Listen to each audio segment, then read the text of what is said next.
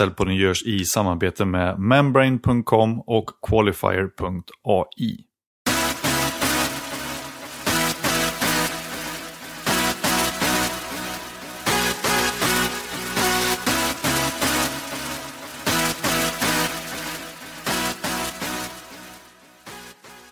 Har du någon gång svurit över teknik? Eller tänkt hur svårt ska det behöva vara för att läsa vissa program eller prylar för att kunna använda det i ditt bolag och din försäljning? Och en som vill hjälpa dig som företagare och säljare att förstå teknik och få det användbart på bästa sätt i din vardag. Det är journalisten, bloggaren och föreläsaren och kanske får man säga tekniknörden Elin Häggberg från företaget Teknifik. Genom bloggen Teknifik, podcastens Teknikens under och i dina föreläsningar så har du under lång tid hjälpt andra att komma närmare teknik och förstå hur man ska använda den. Och nu är du aktuell med boken Starta och driv eget, smart, digitalt och hållbart.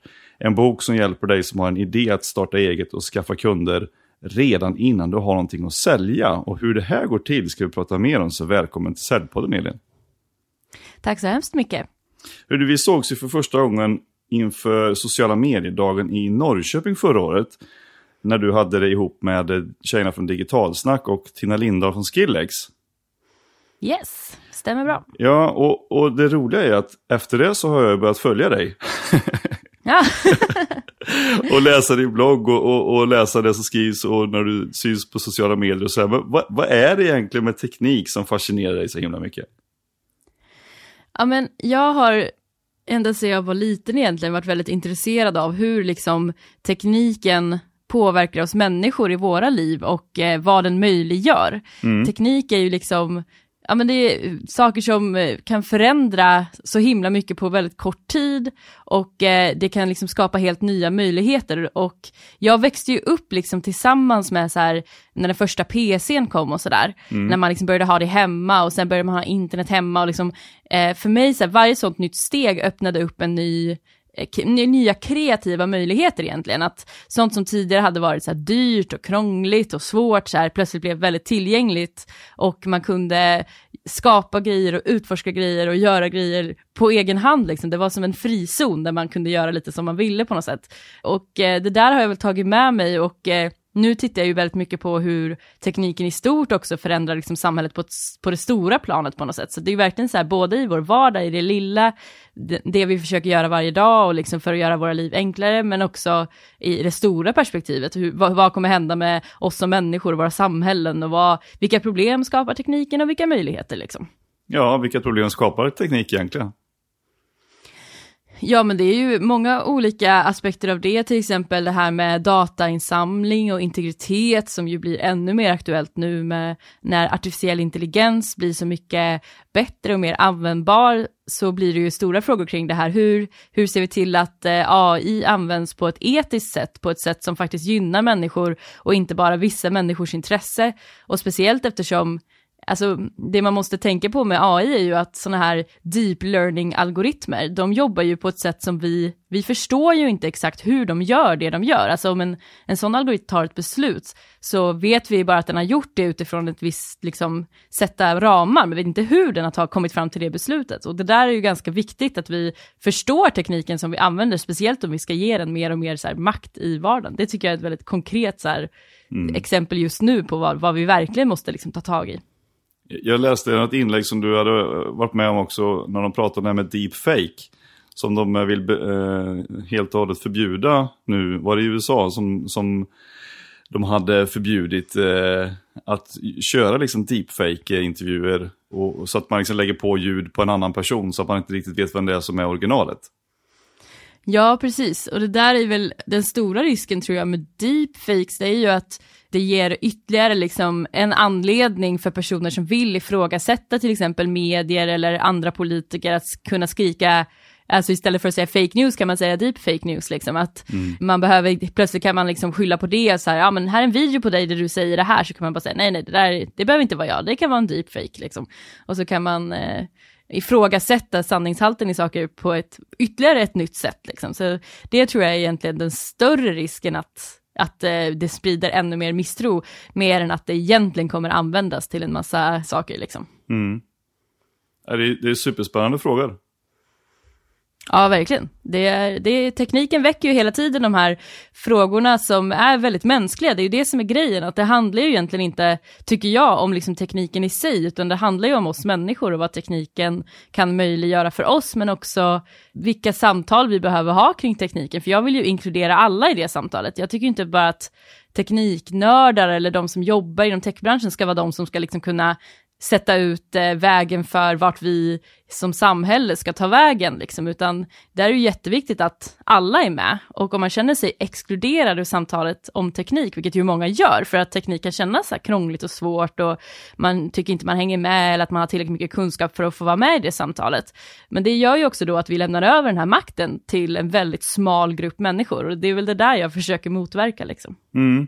För du är ju en väldigt stor inspirationskälla för både tjejer och killar, unga som gamla. Men vad, vad, tror du det är liksom i ditt sätt att förklara och förhålla dig till teknik som gör att folk eh, ja, ropar efter dig och vill följa dig?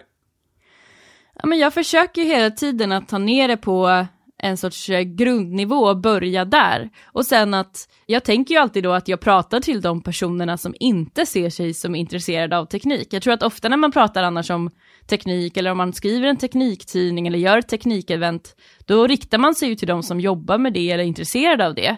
Medan jag gör tvärtom, jag riktar mig till de som inte jobbar med det och som inte är intresserade av det. Vilket ju gör att man tar en helt annan approach och det kräver ju något annat av mig i hur jag ja, men hur jag går in i ett ämne, hur jag förklarar saker, hur jag liksom eh, lägger upp det.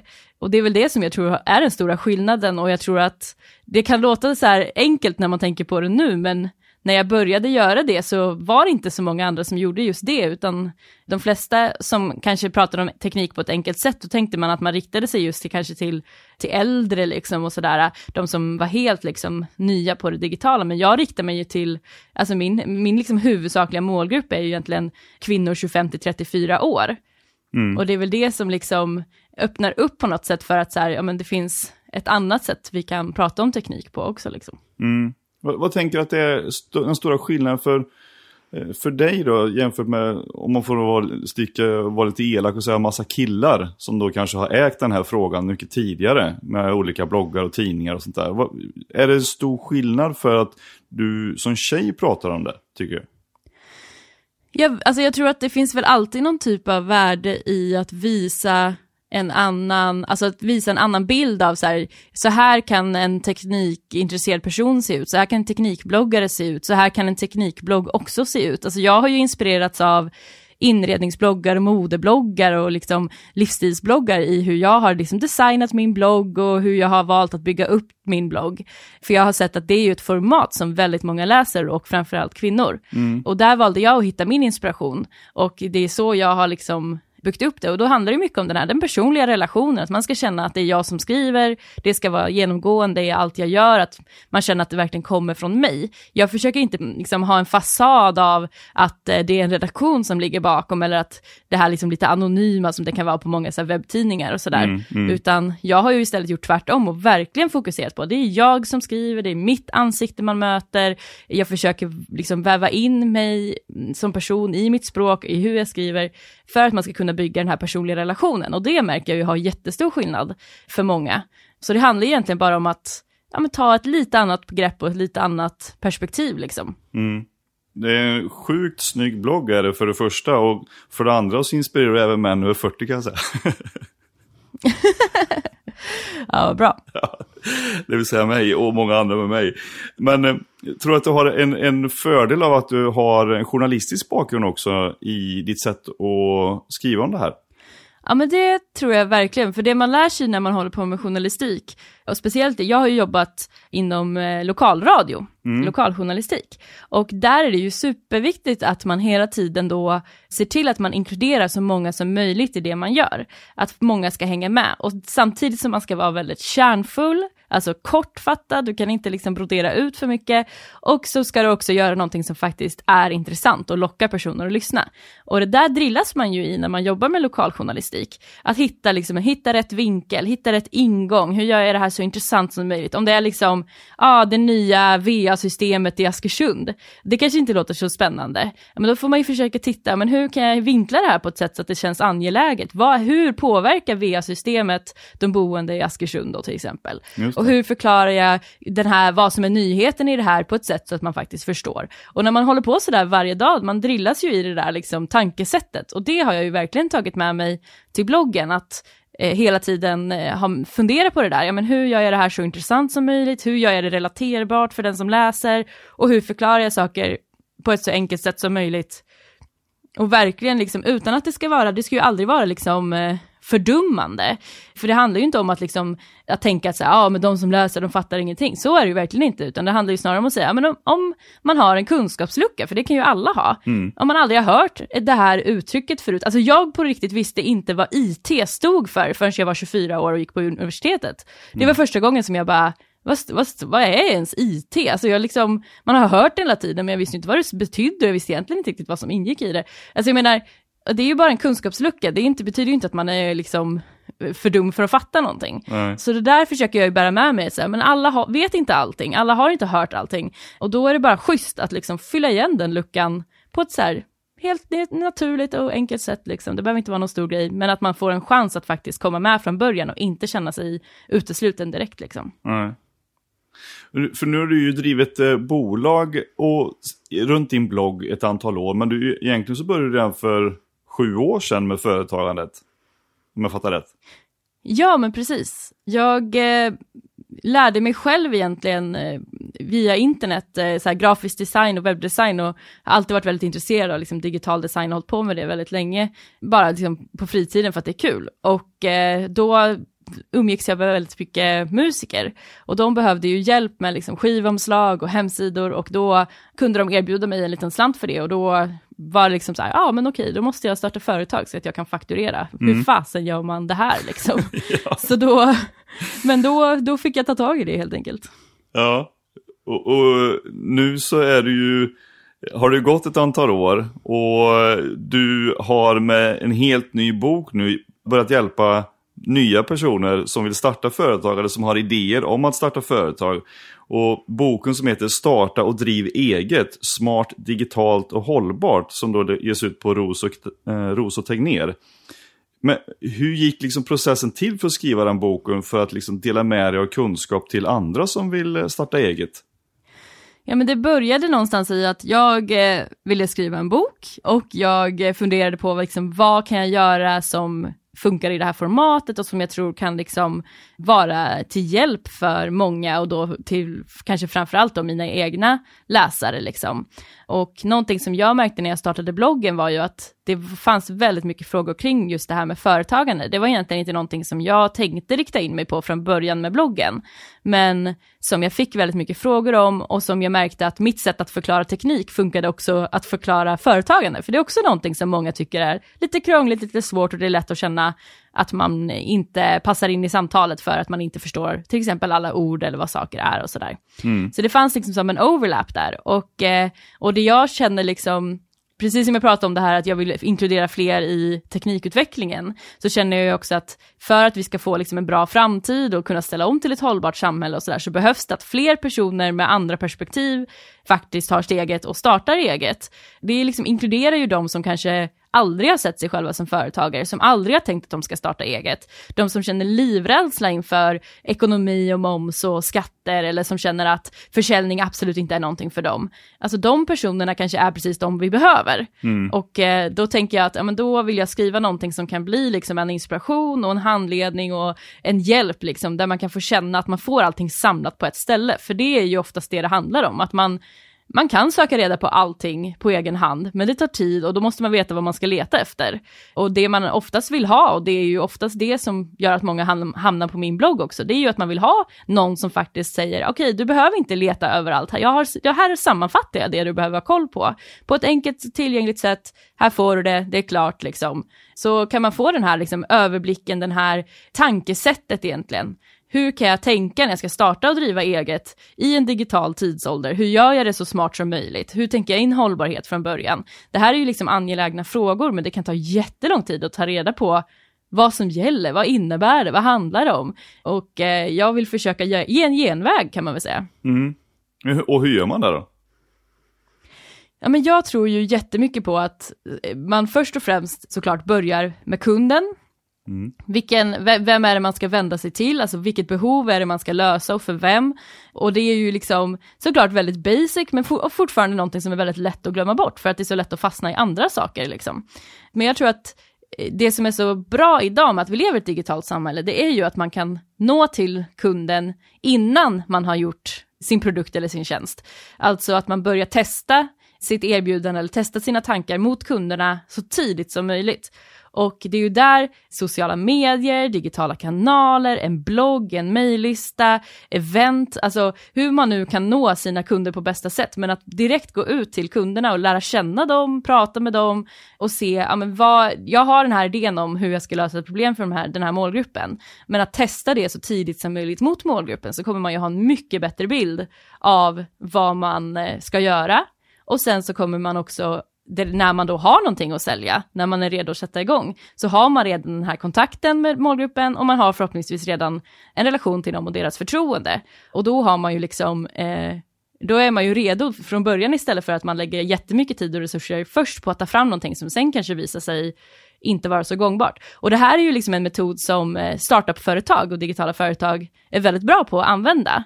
Men det är inte så ofta man pratar om att göra samma sak i det lilla företaget.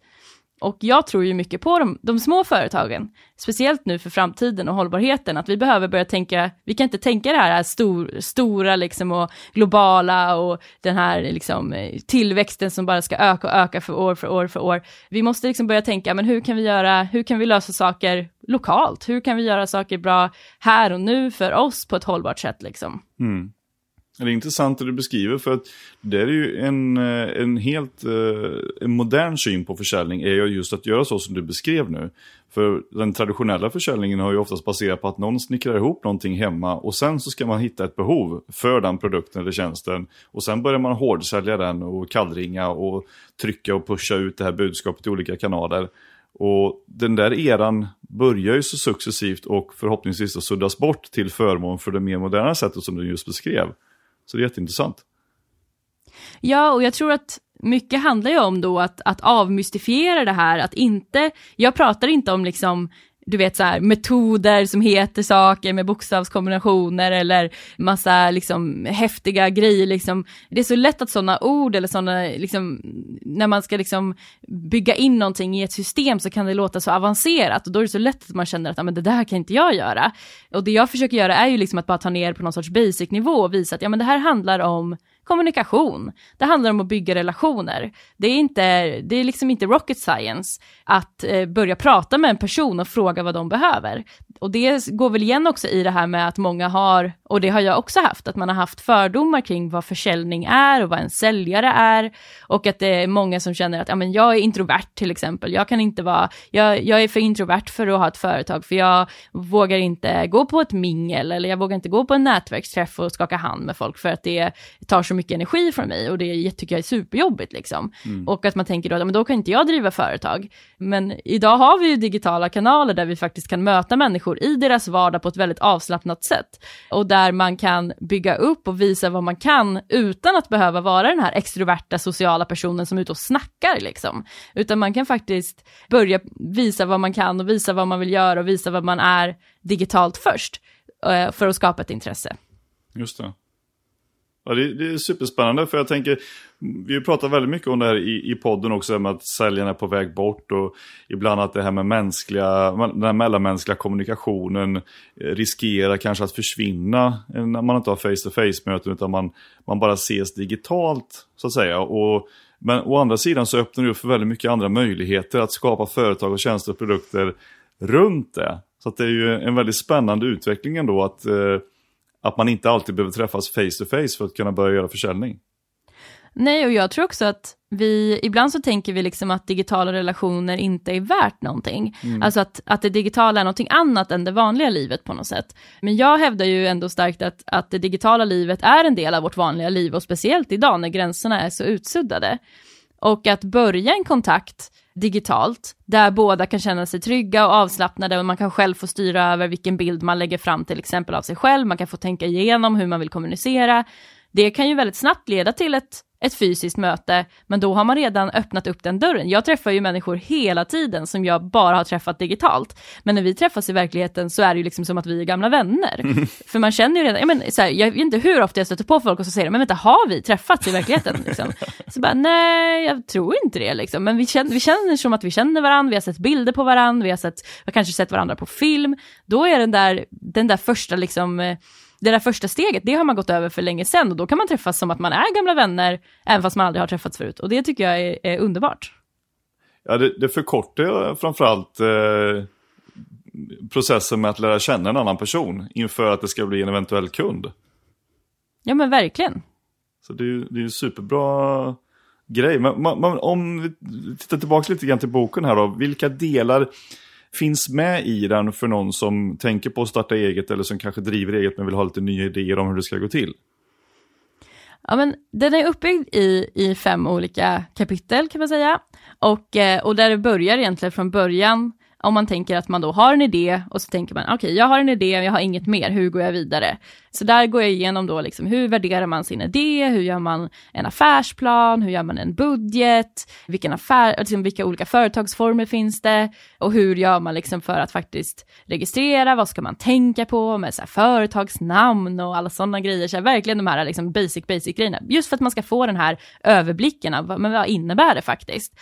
Sen så eh, handlar det också om det här med ja, men det är lite mer formella med ekonomin, ja, men vad är bokföring egentligen, hur funkar det, en liten kort men lite orienterande översikt liksom över det här med skatter och moms. Och också då att skriva budget, ja, men varför ska man göra det, hur kan man göra det på lite ett enkelt sätt, vad, ungefär vilken typ av budgetar brukar man skriva? Och liksom, vad betyder de här olika orden. Och sen så kommer vi in på liksom det som jag kanske brinner mest för. Och det är ju både liksom hur man då tar den här idén då och skapar ett erbjudande kring det. Alltså vad är det jag faktiskt ska erbjuda för mina kunder, vilket problem är det jag löser, hur gör jag en, en bra pitch som jag kan känna mig trygg i själv, att jag vet vad jag säljer och till vem, att bli tydlig i sitt budskap. För att om vi inte vet vad vi ska kommunicera så är det ju mycket svårare att övertyga. Så det handlar ju väldigt mycket om just det där med att liksom bli kärnfull helt enkelt i sitt budskap.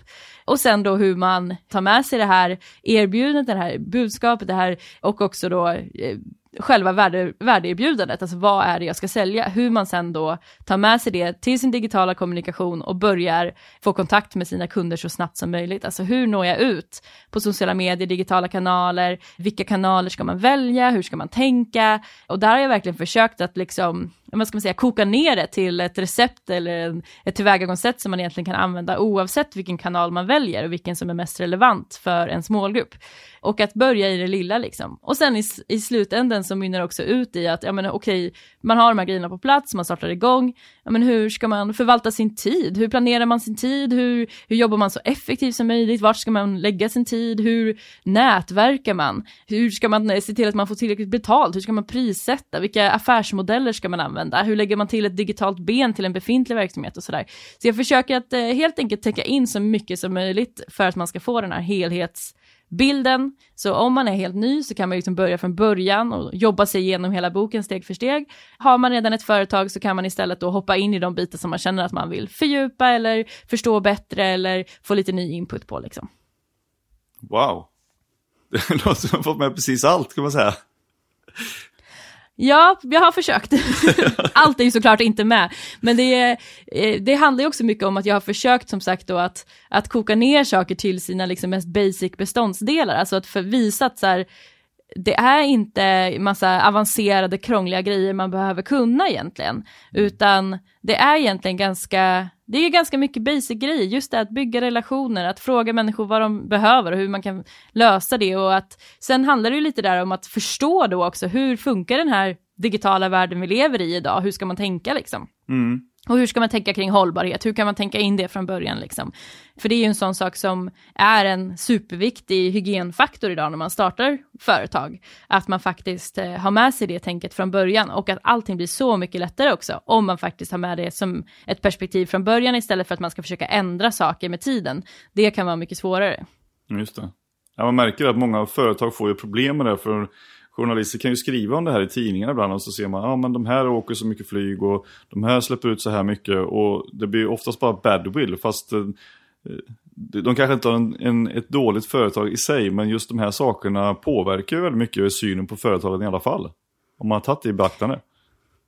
Ja men så är det ju verkligen. Och vi blir ju mycket mer medvetna som konsumenter i och med att ja, men det här samtalet verkligen har kommit upp på bordet nu och, och är en aktuell fråga. Och vi börjar tänka mer och mer på det. Det kan man ju bara se hur utvecklingen gått med ekologisk mat till exempel, eller eh, nu med flyg, alltså att vi börjar faktiskt ta nya beslut och tänka på ett nytt sätt. Och vill man då vara ett företag som startar idag, som har framtiden framför sig och som känner att ja, men, vi vill göra någonting som, som kommer funka även om fem år, om tio år, eller vi vill hitta ett arbetssätt som kommer funka, så eh, då, då tror jag verkligen att man måste liksom tänka in det ordentligt från början och som sagt, det blir mycket lättare och det blir ju dessutom positivt ur ett marknadsföringsperspektiv. Alltså kan man vara öppen med de här frågorna och känna att ja, men vi, har, vi har tänkt igenom det här, vi är transparenta, vi berättar om hur, hur våra produkter tillverkas eller hur vi jobbar med våra tjänster, så är ju det någonting positivt som man kan sprida istället då. Mm. Ja men precis. Och det, det fanns en sak som jag fastnade ganska mycket för i, när jag läste om boken och det var att hur man gör för att skaffa kunder innan man har något att sälja. Kan vi, kan vi prata ja. lite grann om det? ja, men det här knyter ju in till content marketing kan man väl säga, alltså innehållsmarknadsföring, det som jag egentligen eh, gör själv och det som jag har väl egentligen, det som jag känner är det som jag har lyckats bra med liksom. Och det handlar ju om att man börja då med, med kunden, målgruppen som man vill nå. Och så för att se då att, ja men, tänker jag rätt om den här målgruppen? Alltså min bild av den här kundgruppen och deras behov och problem, tänker jag rätt nu?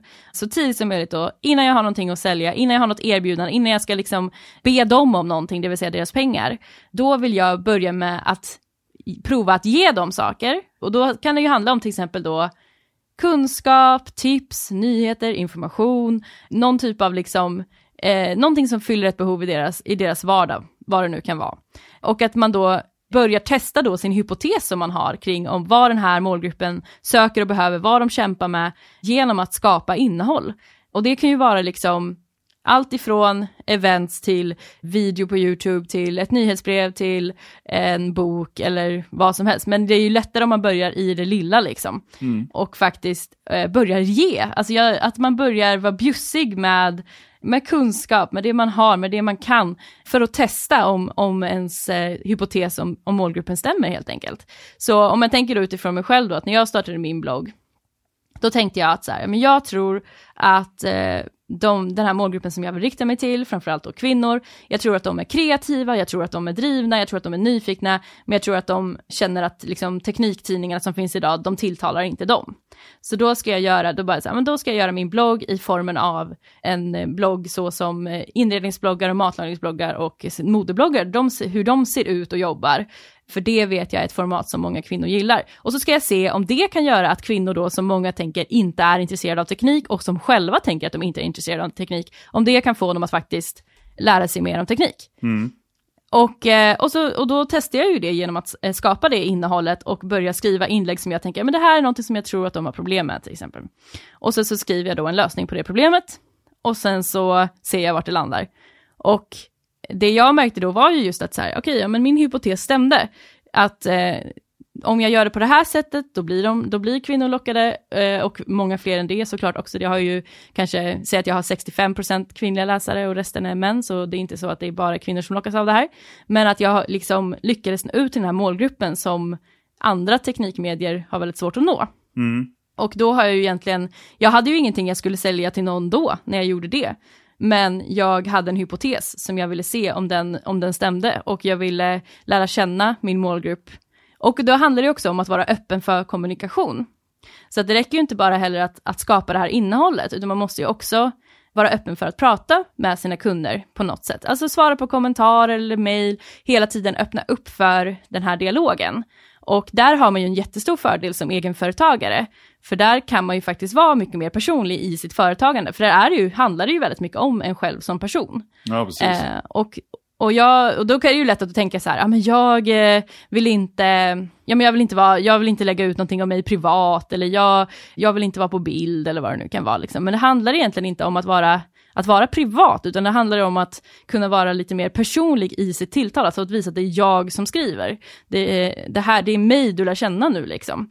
Ja, och då handlar det mycket om det här att faktiskt berätta om vad som driver en, vem man är, vad man brinner för, för att skapa, ja men visa vem man är för att skapa förtroende. Och så för mig då så har det handlat mycket om att jag dels tänker då hur jag skriver, alltså i själva språket i texten, att jag försöker ha ett personligt språk. För mig handlar det mycket om att så här, försöka skriva så naturligt som möjligt, alltså skriva hur jag, som jag pratar och skriva som jag tänker. Och att väva in också jaget i texten, att jag försöker inte skriva en helt så neutral text som man kanske skulle gjort i, om jag skulle ha gjort det som journalist, då ska jag skriva en helt neutral text. Men när, eftersom jag är bloggare, då kan jag skriva mer personligt utifrån, ja men jag tänker, jag resonerar så här, eller när jag har stött på det här så har jag gjort så här, eller jag har upplevt den här saken. Vilket bara gör att man känner att ja, men det är en människa som skriver det här. Och att göra den lilla ändringen i hur jag skriver gör ju att många fler också känner sig benägna då att faktiskt höra av sig och berätta, ja men hur reagerade de på det här innehållet, hjälpte det dem, alltså att jag får den här feedbacken, för det är ju den jag behöver för att veta om jag landar rätt och om, om det här liksom faktiskt gav någonting, om det gav ett värde. Liksom. Mm. Och eh, om man tänker då att man omsätter det här till någon annan typ av företag så handlar ju det väldigt mycket om att så här, men fundera på hur kan vi skapa ett innehåll där vi kan se om våran hypotes om den här målgruppens behov stämmer. Har de problem med det vi tror att de har problem med? Behöver de det vi tror att de behöver? Det kan man testa genom att skapa innehåll och att eh, hela tiden jobba för att nå den målgruppen man vill nå.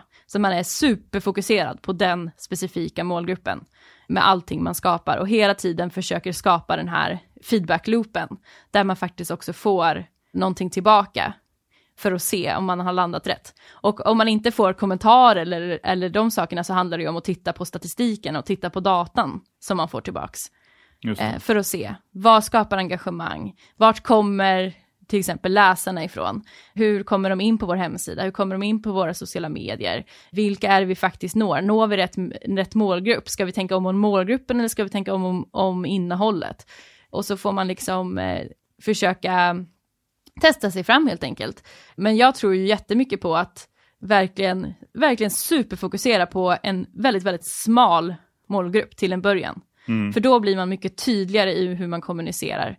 Och då är det mycket lättare, för hittar man, säg att man bara hittar tio personer, om man är nystartat företag, man hittar tio personer som verkligen, verkligen passar perfekt in i en målgrupp, som verkligen går igång på det man skapar, som, där de, som verkligen känner att ah, men du löser mina problem har man hittat tio som man kan ha en konversation med, man kanske har dem i en mailgrupp, man kanske har dem i en Facebookgrupp och man kan ställa frågor till dem, okej okay, jag tänker så här, eller vad kämpar ni med just nu?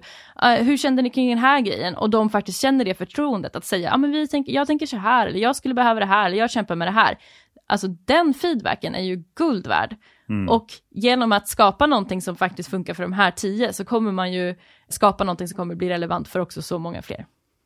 Upplever du att det är ett stort problem hos företag som är lite mer etablerat? De blir lite för ska man säga, anonyma i sin eh, kommunikation då så att folk inte är benägna att eh, svara tillbaka eller kommentera mer än negativt? Ja men det tror jag absolut och det, menar, det ligger ju i sakens natur också att, att stora företag har mycket, de, det är ju mycket svårare att ha liksom ett personligt tilltal. Antingen så måste man ju ha en otroligt duktig kommunikationsavdelning som skapar liksom företagets röst, eller vad man ska säga, mm. där man lyckas skapa liksom en, en, känsla för företaget, där företaget får agera som, som en person, eller vad man ska säga. Men det passar ju kanske främst då om man jobbar business to consumer, liksom. Men eh, jobbar man business to business, där handlar det ju mer om att då, tänker jag, eh, lyfta fram sina sina experter, det kan ju vara en grundare, det kan vara en vd, det kan vara någon annan duktig person på företaget som, eh, där, man lyft, där de får en möjlighet att faktiskt liksom berätta om sin expertis, där de får ta en, liksom, där man som företag tar en, liksom, en expertroll inom sitt område genom utvalda personer på företaget. Och det kan ju vara jätteläskigt, för det är ju många som känner då, ja men om vi visar vad våra, våra anställda kan, så kanske någon annan kommer sno dem eller eh, att det känns liksom att ja, men vi vill inte dela med oss för mycket och så här.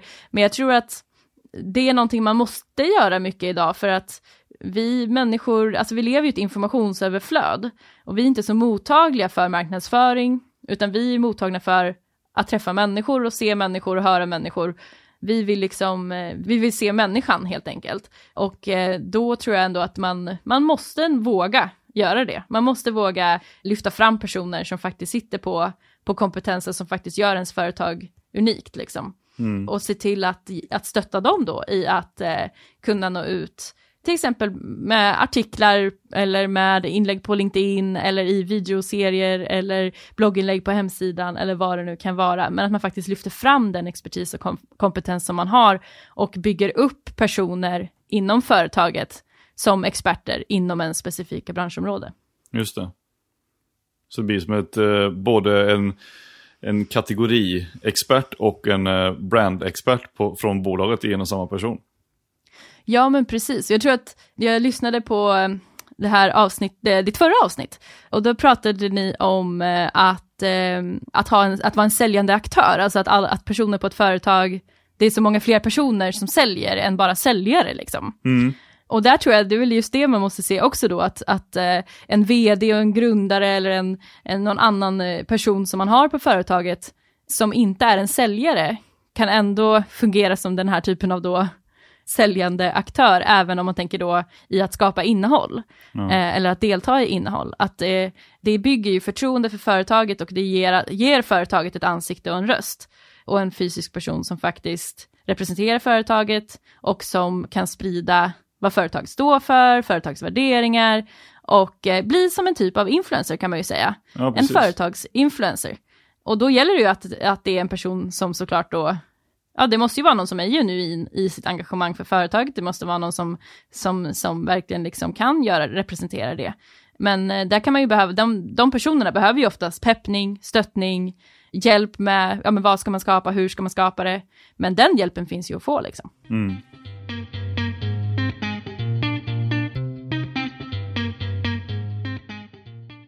Säljpodden görs i samarbete med Sales Enablement och CRM-bolaget Membrane. Och om du och ditt säljteam vill skapa tillväxt och öka din effektivitet, då tycker jag ni ska gå in på membrane.com. För där hittar du alla viktiga dashboards, allt analysunderlag, alla analysverktyg, hur kunderna beter sig i säljprocessen och de kan även integrera ditt sätt att sälja i datadrivna prognoser. Och allt det här för att du ska göra det så enkelt som möjligt för dina säljare att nå sina mål och skapa fler affärer. Så om du är nyfiken på vad Membrane kan göra för dig, gå in på membrane.com och klicka på Book a Demo.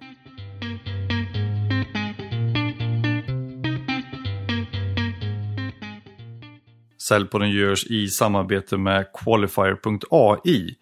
Och Qualifier är ett eh, prospekteringsverktyg och en form av säljassistent för business to business och automatiserar prospektering och skickar automatiserade mail när du har hittat dina leads. Så hur funkar det här då? Jo, man väljer sin målgrupp, man godkänner de här AI-genererade prospekten, man finjusterar lite genom att skriva e-mailmallar som eh, eh prospects-teamet på Qualify hjälper till med. Och sen så när ni är färdiga så får du en hel del leads till din inbox och automatiserade uppföljningsmail. Så om du är intresserad av att förenkla ditt säljverktyg, din säljprocess och ditt sätt att jobba med försäljning Gå in på qualify.ai och klicka på boka en demo. Apropå hjälp då och, och verktyg, om vi, om vi ska försöka oss på att göra någon form av, av lista här av eh, verktyg som man behöver ha då, som företagare och egentligen som säljare kanske också då, för att liksom ja, dels i början av sin företagarkarriär men kanske också i, i sättet att, att jobba med sin försäljning i sitt bolag. Vad, vilka verktyg tycker du att man ska behöva skaffa sig från början?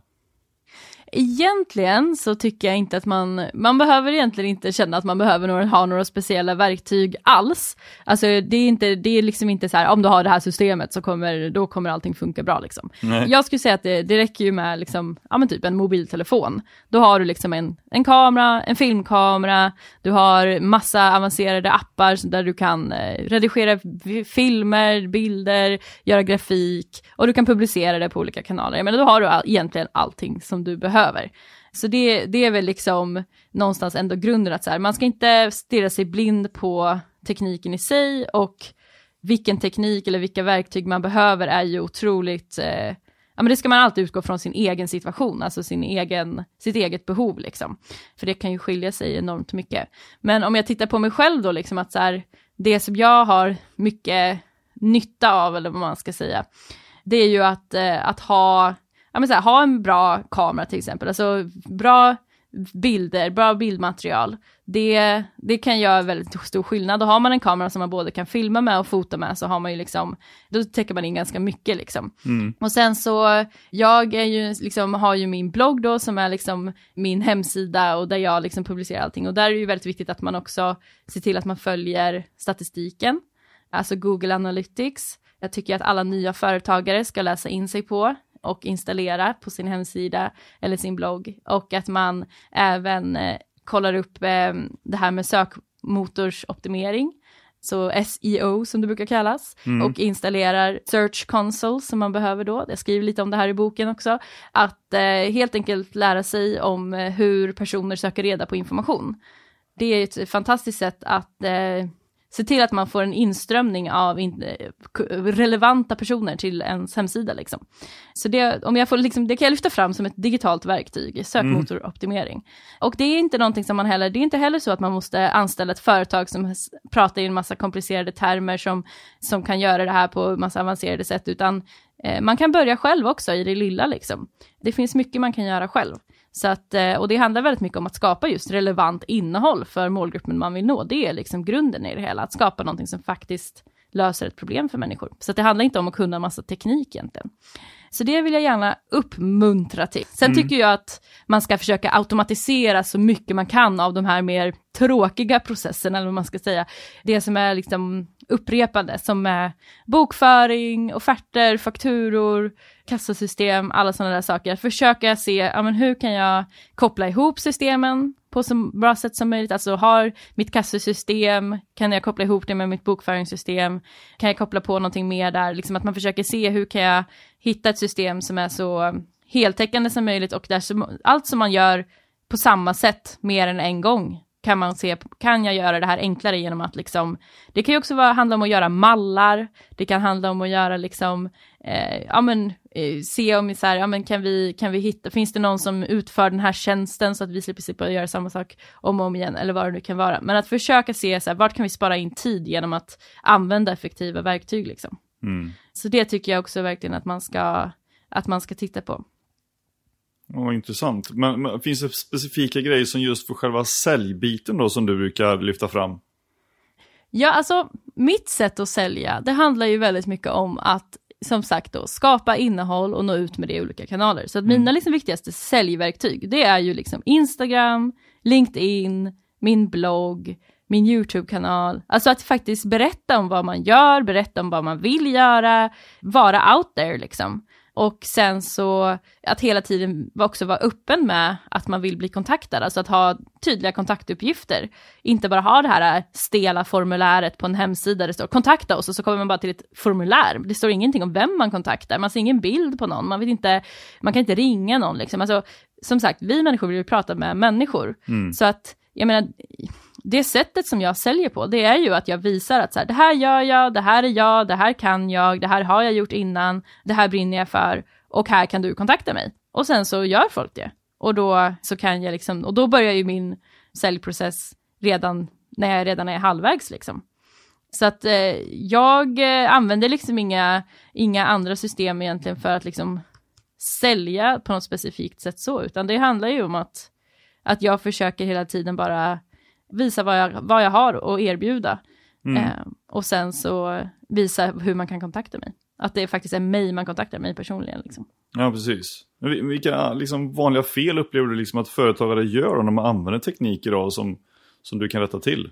Ja, men jag tror att, dels så tror jag att det är väldigt lätt att man försöker köpa sig fri genom att investera väldigt mycket pengar i olika system som kanske egentligen inte fyller ens behov.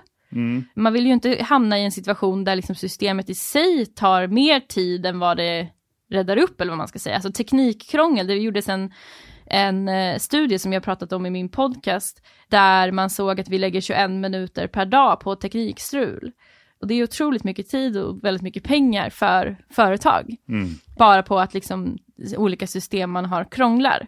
Så det är väl en sak liksom att, att inse att så här, man, kan, man ska inte liksom köpa sig fri genom, genom att köpa system och sen måste vi också liksom ha tålamod med tekniken också någonstans. Att det är så lätt att irritera sig på tekniken när den inte funkar och sådär. Och så är det ju, det är ju jättestörigt liksom. Men om man bara då, om man, det enda som händer är att man blir väldigt negativt inställd, man går runt och surar över att tekniken är dålig, men inte försöker ta något steg mot att faktiskt bidra till att göra tekniken bättre. Det vill säga kanske typ gå ner till IT-avdelningen och snacka lite om vad man faktiskt har för behov och hur man skulle vilja att saker funkar.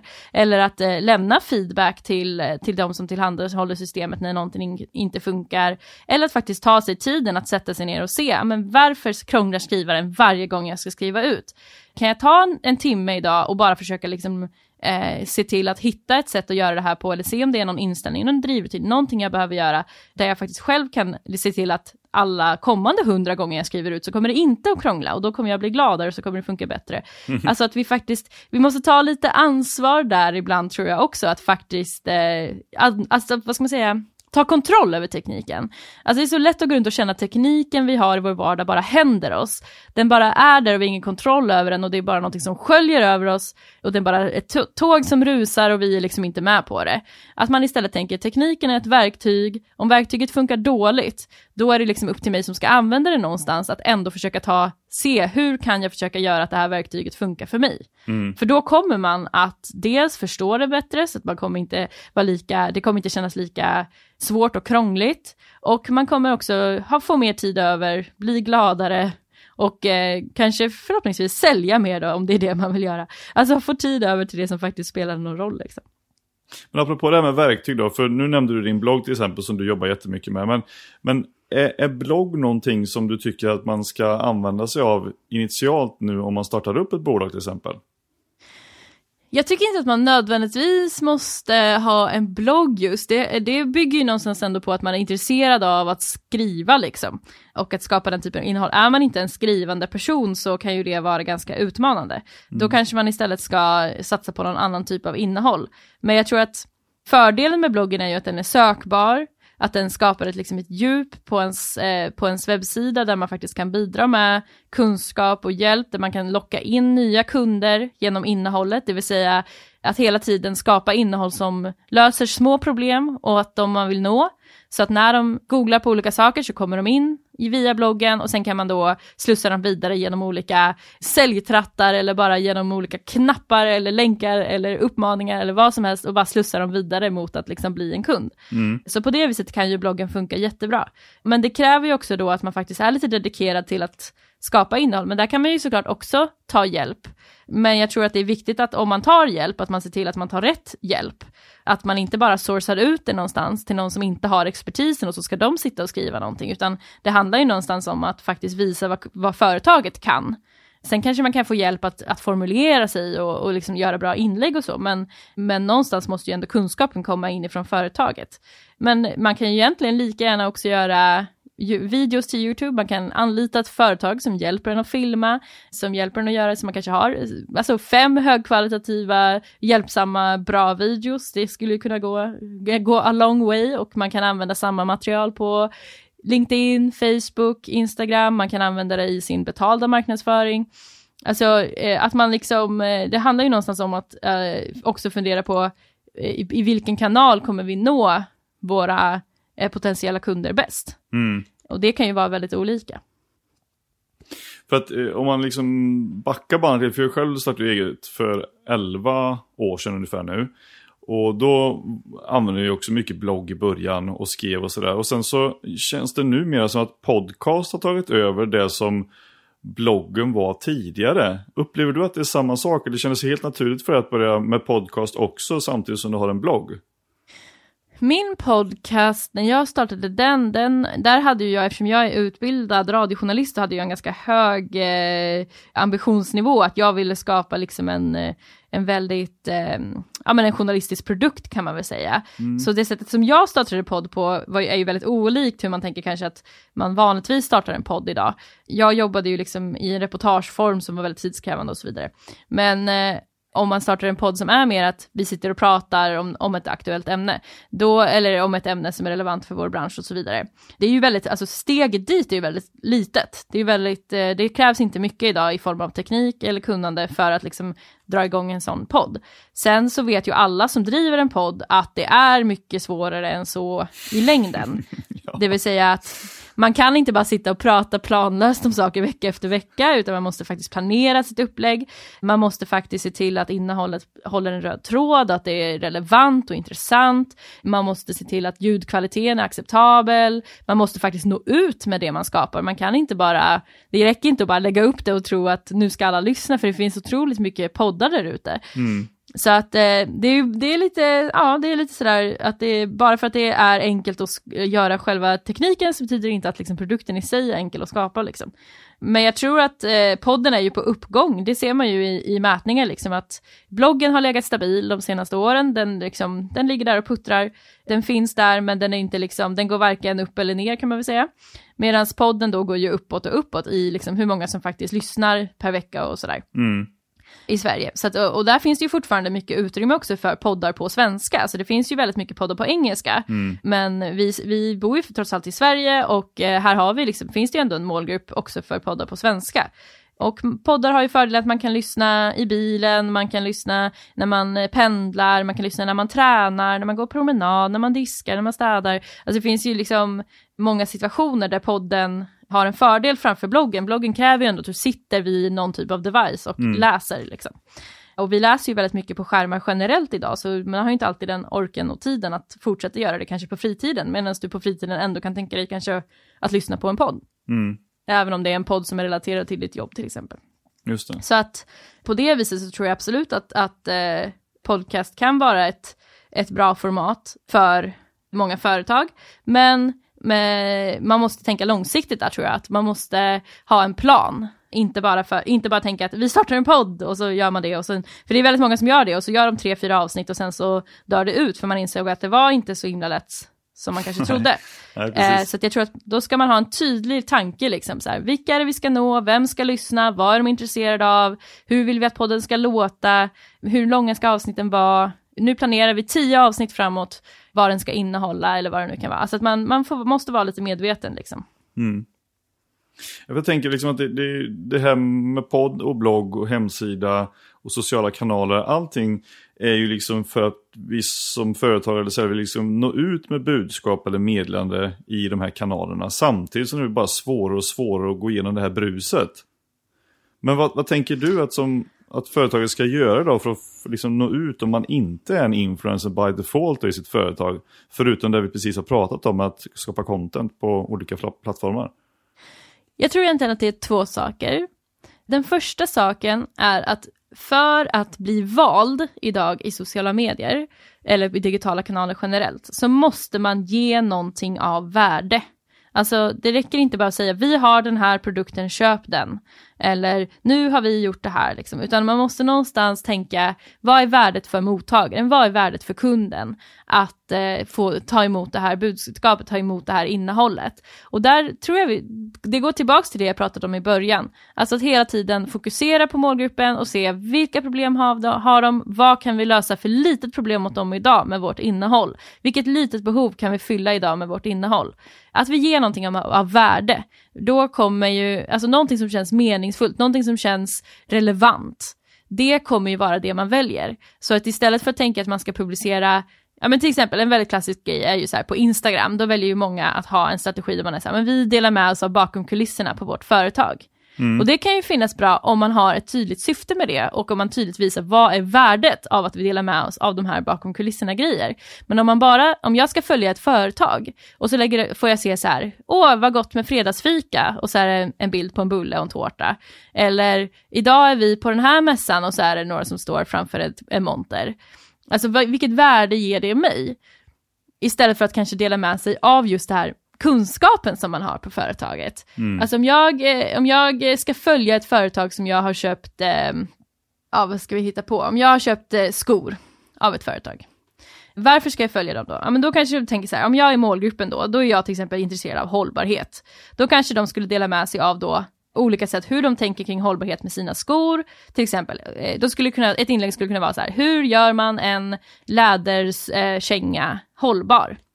Och så, här, och, då, och så skulle de kunna bryta ner det i, så här, prata om en enda sak, eller typ så här svårt var det att hitta en tillverkare av hållbara skosnören. Vi fick åka till hit, vi fick åka till dit, vi fick göra det här, eller vad det nu kan vara. Och så mm. att jag kan få känna då att så här, wow, vad glad jag är att det här företaget som jag har gett pengar till, att de faktiskt verkligen är dedikerade till eh, hållbarhet och att jag får se en inblick i hur det funkar. Mm. Det skulle kunna ge mig ett värde. Men att bara se så här, idag är vi på skomässan i Borås, Mm. Då är det så här, ja men det skulle inte ge mig så mycket värde. Det skulle liksom inte kännas meningsfullt för mig. Och, eh, och jag tror att det är väl det där man ofta misslyckas med, att man, att man, eh, man, man tänker liksom att ja, men vi måste, man tänker kvantitet, man tänker att så här, vi måste ut med någonting, idag måste vi publicera något på sociala medier, vad ska vi publicera? Istället för att börja i den andra änden och tänka, okej, okay, om vi ska ge någonting av värde till vår målgrupp, om vi ska dela med oss av någonting som bygger förtroende för vårt företag och ge dem någonting som de faktiskt vill, väljer att ta del av, vad skulle det vara? Och börja där liksom. Och när man väl har kommit igång med det så kommer det gå mycket mer av sig själv. Har man väl kommit in i det tankesättet, då, då flyter det på liksom. Så det handlar egentligen om, om att hitta det där tankesättet och att faktiskt hela tiden ställa sig frågan, varför skulle någon välja att ta del av det här? Varför skulle våra kunder välja att ta del av det här? Vilken relevans har det i deras vardag liksom? För det är ju trots allt där vi är på sociala kanaler. Det är ju i vardagen. Mm. Så det måste ju passa in där. Och sen, så det är liksom den första grejen, att så här, vi måste hela, hela tiden fundera på relevansen och det blir bara, bara mer angeläget ju mer information och brus vi har. Och den andra saken är ju att faktiskt ha en strategi kring hur man, hur man betalar för marknadsföring. Alltså sociala medier är inte längre den här plattformen där alla får gratis virala eh, hittar och liksom där man bara når tusentals och tusentals människor helt gratis. Det är inte så det ser ut längre. Det, det var så i början för att det var upplåst med riskkapital liksom. Och det var en annan tid och alla var inte där och det var liksom en nybyggaranda och guldrush liksom. Mm. Så är det inte idag. Utan idag så får vi acceptera att för att synas så kan vi behöva betala. Och är man inte jättebra på hur det funkar så finns det ju som sagt hjälp att få, var inte rädd för att ta hjälp. Om du betalar för att synas i folks flöden så måste du ju se till att det du betalat för att det ska komma in där faktiskt är relevant. Mm. Så att eh, det, steg ett är fortfarande det viktigaste, men sen steg två, se till att ha en, en, en uttänkt strategi för hur och när och var ni ska köpa utrymme. Vart och eh, liksom på vilket sätt ni bäst kan nå era kunder på sociala medier och hur ni kan se till att då se till att det som ni köper är någonting som kunden kommer att välja att ta del av för att det är så pass relevant. Liksom. Det, det handlar kanske mycket om att vara genuin och transparent och ha det här utifrån och in-perspektivet med sig hela tiden. Ja, verkligen. Mm. Verkligen. Ja, det, det, jag står bara och tänker tyst för mig själv när du pratar här. Att, Shit, det här skulle jag gjort och det här skulle jag gjort och det där borde jag gjort. Det kommer alltid en massa idéer så här, när man gör någon som är så kunnig på grejer. Men till sist då, vad, vad, anser du, eller vad ser du för trender inom teknik som alla företag behöver ha koll på för att kunna utveckla sina bolag här med försäljningen framöver?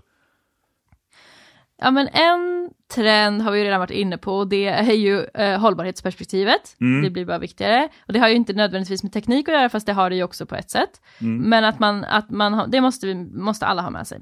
Sen var vi inne på det lite tidigare också med artificiell intelligens. Det är ju ett sånt här område som har smugit sig på under många år.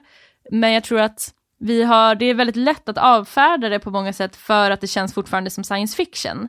Det känns som någonting som är långt bort. Men artificiell intelligens används ju redan idag i stor utsträckning i många olika situationer, både i vår vardag och liksom på större plan. Och där tror jag att vi först och främst måste utbilda oss, det vill säga alla behöver få en bättre förståelse för vad artificiell intelligens är och hur det funkar. Och det handlar inte om att vara tekniskt kunnig, utan det handlar snarare om att kunna se vad är det, vad är det artificiell intelligens gör i våran vardag och i vår, våran värld. Liksom. Så att man faktiskt ser till att både utbilda sig själv och sina anställda kring de här frågorna för att kunna ha en bra diskussion kring artificiell intelligens, men också för att kunna se hur kan vi använda artificiell intelligens som ett verktyg i vårt företag? Genom kanske tjänster, genom, alltså jag menar, använder man Facebook-annonsering så använder man redan artificiell intelligens till en viss mån. Så att, jag menar, de flesta gör redan det här på något sätt, det är bara att vi inte tänker på det kanske. Men att eh, artificiell intelligens är ju en sån sak som de som vet, de som jag följer och läser och försöker hålla mig uppdaterad på, alla är väldigt överens om att, att det är någonting som blåser in nu och som kan ha liksom lika stor disruptiv kraft som industrialiseringen hade, om inte större. Då. Mm-hmm. Så att där vill man vara med på tåget. Och återigen så vill jag bara be- betona då att om man nu är en person som hör det här och så känner man så här, ja det är kört, jag lägger ner, jag kan lika gärna gå hem, jag kommer aldrig förstå det här, jag kan inte teknik och hej och hå. Då vill jag bara säga igen, det handlar inte om teknik, det här handlar faktiskt inte om teknik, det här handlar om människor, det handlar om oss människor och hur vi vill att världen ska se ut, hur vi vill att resurser ska spenderas, vem vi vill ska ha makt att förändra saker och att man behöver inte förstå teknik för att förstå artificiell intelligens. Så att jag vill bara skicka med det som en, som en, eh, en tröstande, ett tröstande ord. Men jag tror ändå att det är en sån tekniktrend som eh, man behöver utbilda sig lite på. Få lite kunskap. Mm. Ja men fantastiskt, alltså, tack så jättemycket för att du tog dig tid att vara med i Cellpodden. Det har varit sjukt inspirerande att ha dig med. Och, och höra liksom hur vi ska förhålla oss till teknik och, och um, hur vi ska jobba med den för vårt företagande och, och vårt sälj och samt då eh, på slutet här, vad är det som kommer hända i framtiden som vi får ha koll på. Så jag fattar att många hänger på teknikens under, på teknikfik och, och lyssnar och tar del och inspireras av det. Och stort lycka till nu med boken Starta och driv eget, smart, digitalt och hållbart och alla föreläsningar framöver. Tack så hemskt mycket och tack för att jag fick vara med. Tack själv, vi hörs! Det gör vi, hej då! Hej.